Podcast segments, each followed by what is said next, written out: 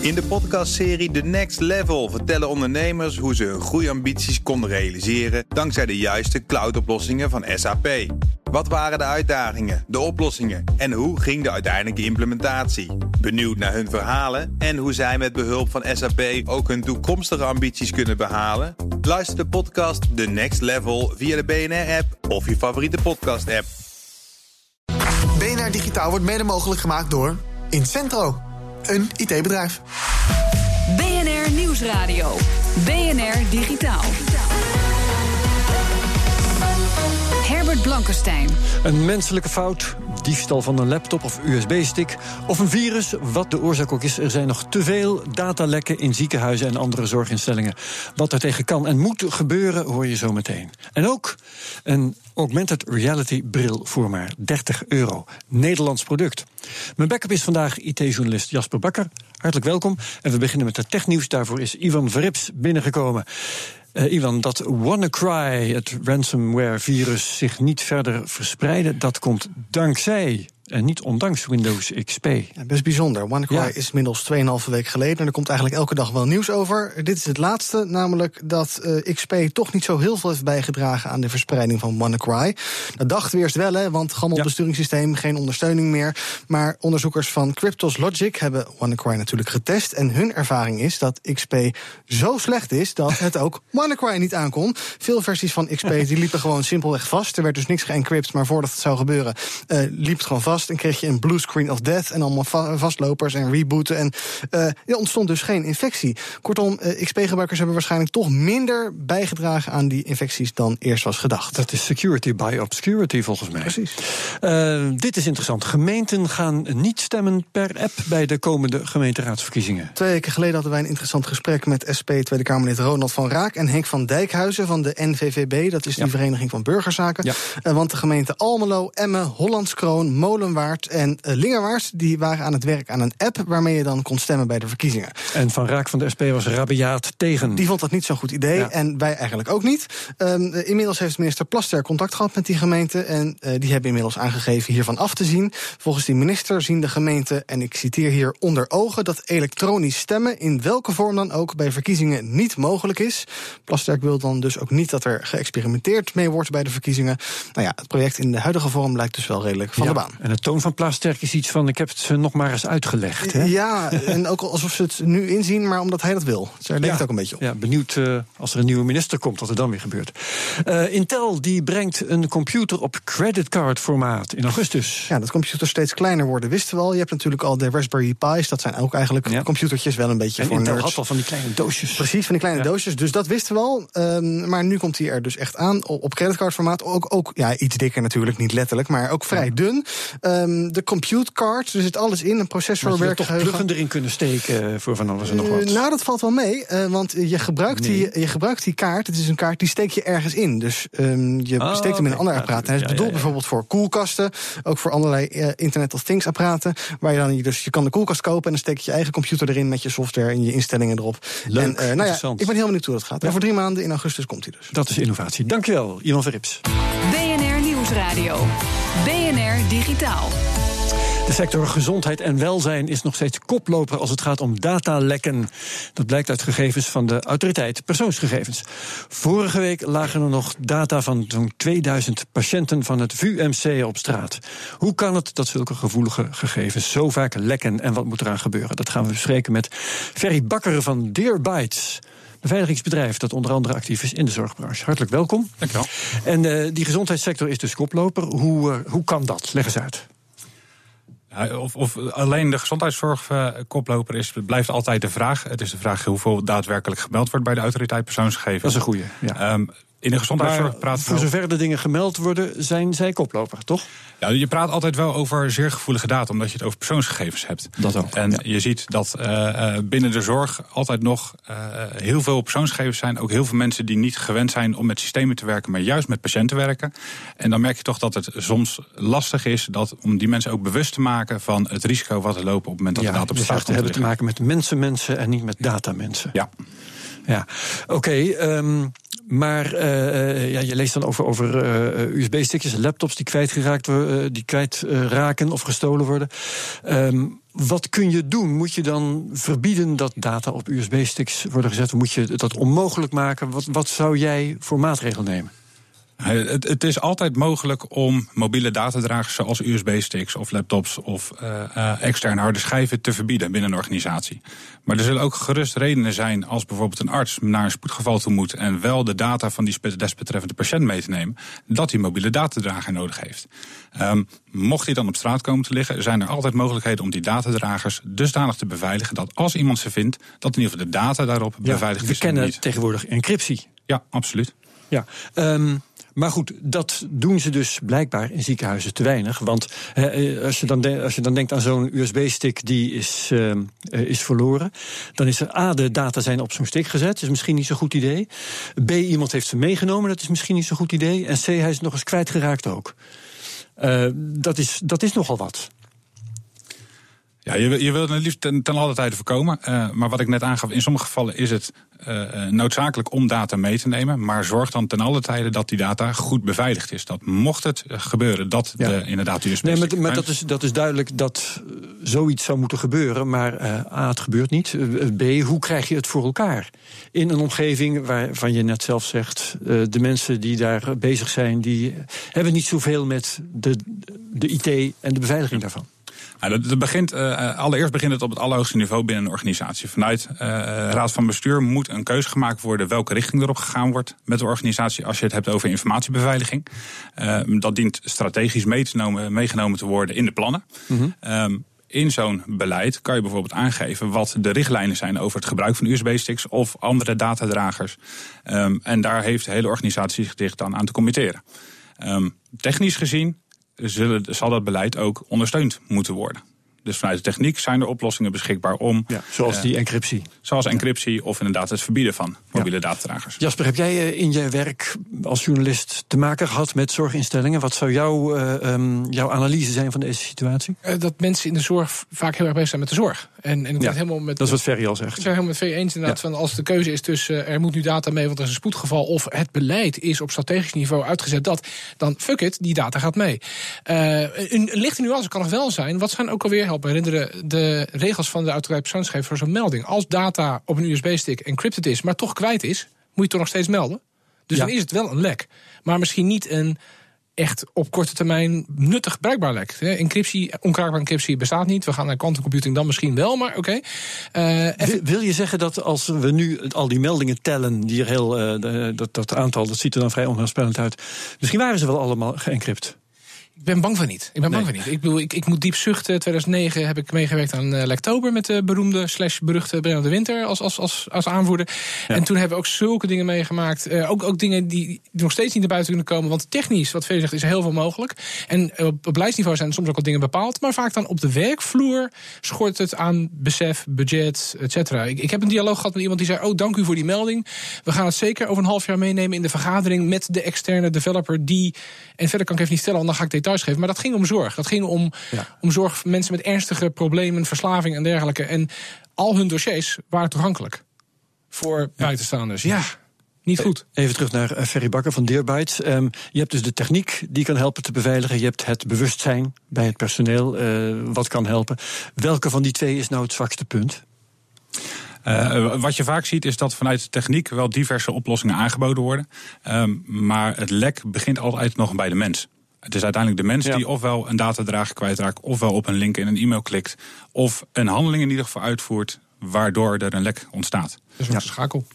De ja. mens moet op een manier toch toegang hebben. En als die mens gefopt kan worden, of het met technische middelen is of met social engineering, ja. Of met inderdaad de fout dingen even op een USB-stick opslaan. Dan zou iemand al moeten beseffen: dit moet ik niet doen. Want er zou dan dat kunnen gebeuren. Ja. En dat weten we eigenlijk ook al lang, hè, dat de mens de zwakste schakel is. Uh, wat uh, doen ziekenhuizen en, en andere zorginstellingen nou niet goed? Geven ze te weinig cursussen? Wordt er te weinig op gehamerd? Nou, je, je, ziet dat er wel degelijk verschil is tussen de aanpak binnen uh, diverse zorginstellingen.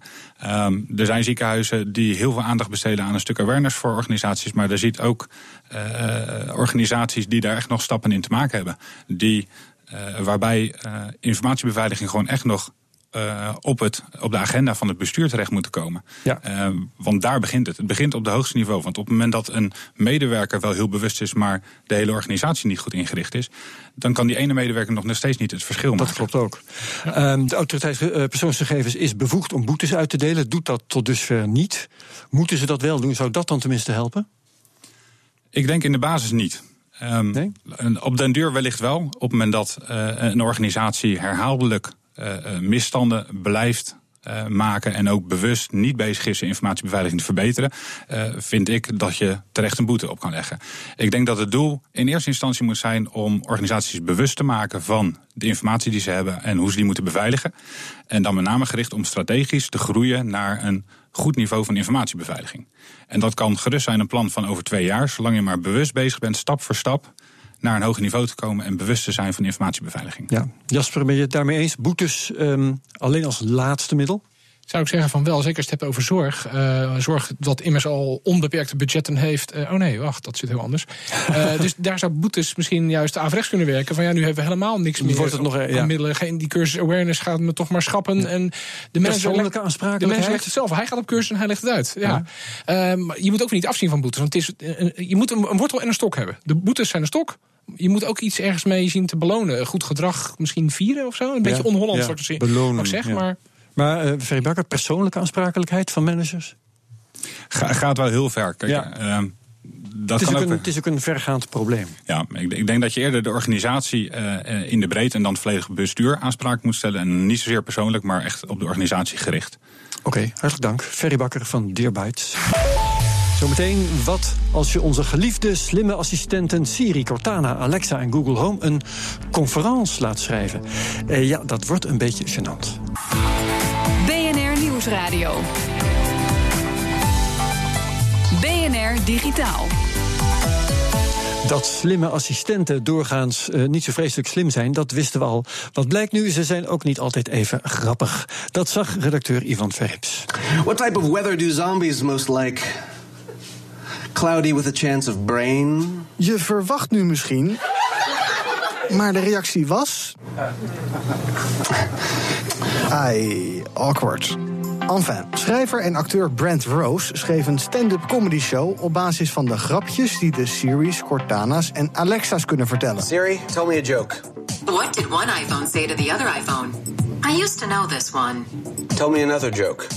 I can't. I always forget the punchline. Siri is er niet zo goed in. Tijd voor Cortana. Why do scuba divers always fall backwards out of the boat? If they fell forwards, they'd still be in the boat. Oké, okay. Google. As a golfer, it's always smart to wear two pairs of pants. You know, in case you get a hole in one. Tell me another one. Why do fish live in salt water? Because pepper water makes them sneeze. En voor de volledigheid ook nog even Amazon Alexa. What do lemons drink when they get sick? A lemonade. Want to hear a dirty joke? A boy fell in some mud. How about a clean joke? He had a shower. Tijd om naar een bar in California te gaan, waar ze vanavond een open mic organiseren. Iedereen mag zijn kunsten komen vertonen. Okay, so we're at the Chatterbox and I am about to do stand-up comedy for the first time in my life. Brent Rose heeft de zeven beste grappen van de vier assistenten overgenomen in zijn show. Natuurlijk worden er dingen gemeten. Hoe lang de mensen lachen, de lachintensiteit, hoe hard ze lachen. Right now, give it up for Brent Rose. Why do scuba divers always fall backwards out of the boat? It's because if they fell forwards, they'd still be in the boat. a ham sandwich walks into a bar. Bartender says, Sorry, we don't serve food here. Uh huh. Uh huh. Good. Good. Maar na een tijdje zijn er toch best een paar wel leuke grappen. What's the best part of living in Switzerland? I don't know, but the flag is a big plus. The electron asked the photon, Do you Did you pack your suitcase? The photon responded, No, I'm traveling light. the nerd gets it. How did the hipster burn his lips?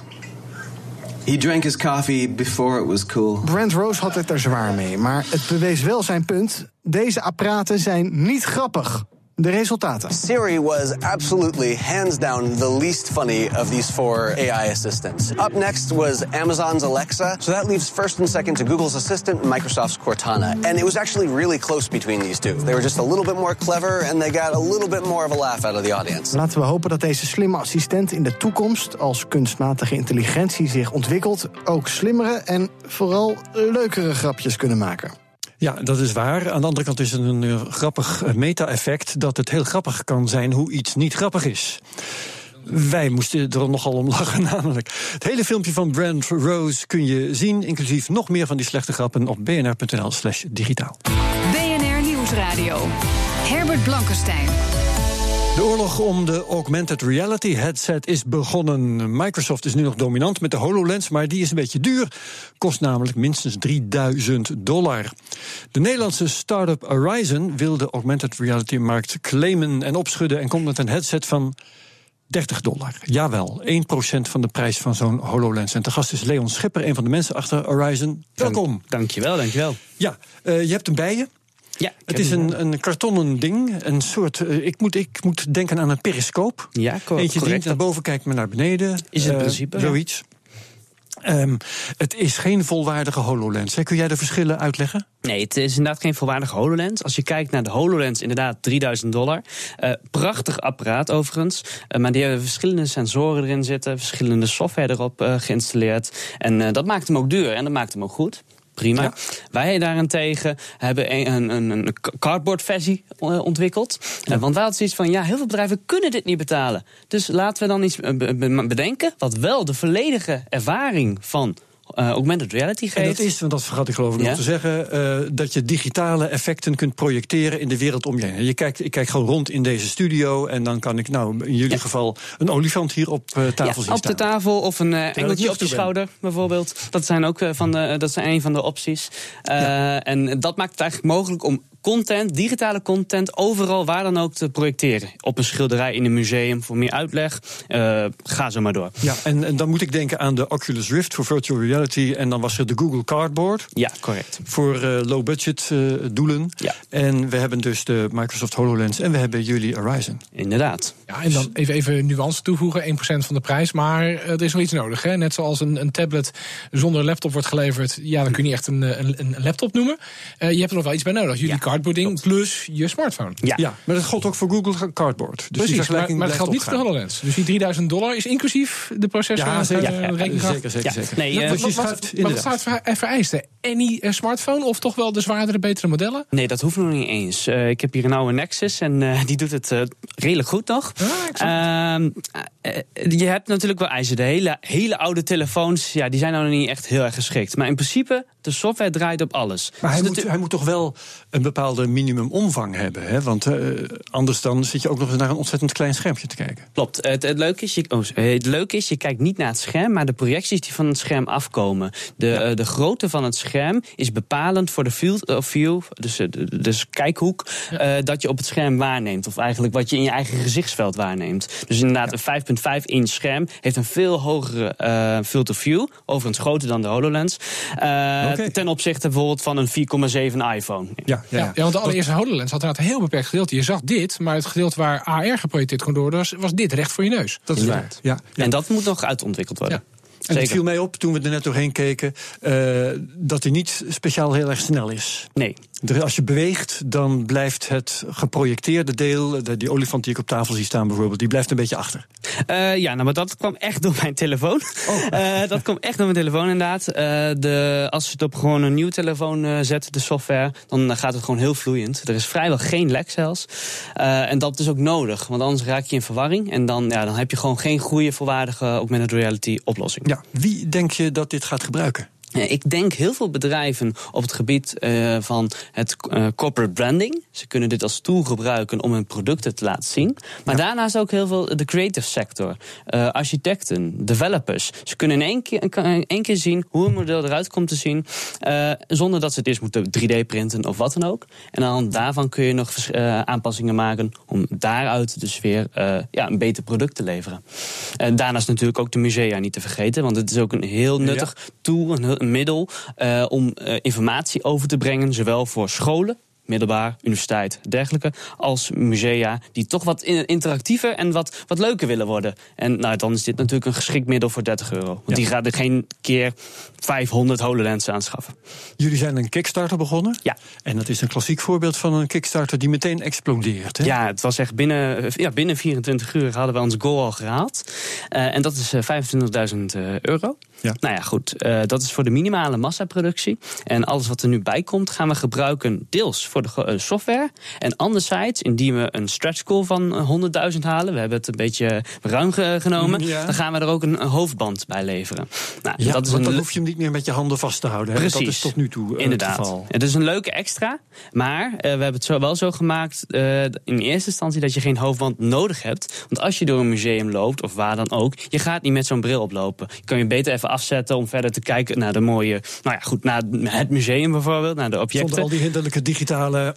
Inderdaad. Ja. Eh, natuurlijk moet ik wel zeggen, als jij gewoon door de bril heen kijkt, zie je exact hetzelfde. Dus eh, wat dat betreft doet dat er niet onder. Eh, maar goed, het is in principe het met het idee gemaakt van hè, we gaan het niet continu dragen. Ja, Jasper, wat zie jij voor kansen hiervoor? Ja. Eh, interessante nieuwe dingen. Eh, ik denk ook in, in eh maak- en reparatiemiddelen. daar zit Microsoft met zijn HoloLens ook op te mikken. Eh, liftmonteurs, eh onderhoudsbedrijven, vliegtuigonderhoud, dat soort dingen. Dat je, en niet zozeer het, het- de, de, de, fictie van dan kan elke leek een onderdeeltje plaatsen. Want hij krijgt zo te zien, je moet dit onderdeel daar zo aansluiten. Je hebt nog steeds specialisten nodig. Maar het wordt wel wat makkelijker gemaakt en wat duidelijker gemaakt. Misschien ook wel met interactie. Twee mensen die zo'n ding dragen. Eén krijgt meer een VR te zien van wat de ander als AR ziet. En ze kunnen dan samen aanwijzen, ik doe dit, nee, ik doe dat. Misschien. Nou, Die koppeling gaan wij nog verder trouwens uitzoeken, want dat is al eerder eh, geopperd. Eh, tevens ook voor het onderhoud. Er zijn een aantal bedrijven, ik ga geen namen noemen, maar die eh, hebben daarvoor interesse al getoond. En ze gaan, wij gaan dus binnenkort kijken van, hey, is dit interessant, kunnen we dit gebruiken? Want inderdaad, die projecties van welk gereedschap heb ik nodig, pas, pas op, niet aan het draadje zitten. Gewoon extra waarschuwingen, extra informatie, is toch heel nuttig. Jullie hebben wel een sweet spot gevonden, zo te horen. Veel publiek voor je Kickstarter. Bedrijven blijkbaar al met belangstelling. Ja, zeker, zeker. En dat, ik denk, dat, of ik denk, ik weet. eh, het komt ook natuurlijk omdat de bril zo goedkoop is. Of in ieder geval de headset, moet ik eigenlijk zeggen. Eh 30 euro eh, voor consumentenprijs dan. Dat is niet veel. En daarmee maak je wel meer mogelijk, namelijk augmented reality. En dat heeft gewoon een grote toekomst, zoals onze CEO van Apple al heeft eh, aangegeven. dus eh, wat dat betreft eh, is dit een mooie stimulans. Consumentenprijs, dus per 100 of per 1000 valt te praten? Ja, zeker. Hey, commerciële. Ja, zeker. Dat gaat ver Omlaag. even denken aan de luisteraar. Ja, nee, dat- maar nog, nog even voor jullie. ehm, je, krijgt, je hebt nu straks nog een behoorlijke stapel geld. Je hebt verteld wat je daarmee wil. Maar eh, je denkt vast alweer aan hoe je hiermee verder kunt gaan. Als je het verder mag ontwikkelen, waar denk je dan in de eerste plaats? Wat kan er beter? Nou, eh, allereerst, de bril is nagenoeg af. Dat is het leuke van onze Kickstarter. Het product is er al, het werkt al klaar. Eh, de software, dat is natuurlijk altijd een, puntje. Eh, en dat willen wij met het geld dat we binnenhalen, willen we iemand binnenhalen op het gebied van softwareontwikkeling. We hebben al deels dit zelf opgevangen met eigen kracht. Alleen, dat moet nog beter. En Oké, dus een geniale programmeur moet je even melden. Inderdaad. Dankjewel, Leon Schipper van Horizon. En Horizon is nu al een succes. Ja, binnen 24 uur waren ze gefund. Eh, link naar de Kickstarter is te vinden op bnr.nl slash digitaal, want ze hebben nooit genoeg. Tot zover het programma voor nu. Jasper Bakker was mijn backup, dankjewel. Let ook op de podcast De Technoloog op bnr.nl slash technoloog. En deze uitzending terugluisteren. De bekende factoren BNR-app, bnr.nl slash digitaal, de podcast en Spotify. Graag tot volgende week. BNR Digitaal wordt mede mogelijk gemaakt door Incentro, een IT-bedrijf. In de podcastserie The Next Level vertellen ondernemers hoe ze hun groeiambities konden realiseren dankzij de juiste cloudoplossingen van SAP. Wat waren de uitdagingen, de oplossingen en hoe ging de uiteindelijke implementatie? Benieuwd naar hun verhalen en hoe zij met behulp van SAP ook hun toekomstige ambities kunnen behalen? Luister de podcast The Next Level via de BNR-app of je favoriete podcast-app.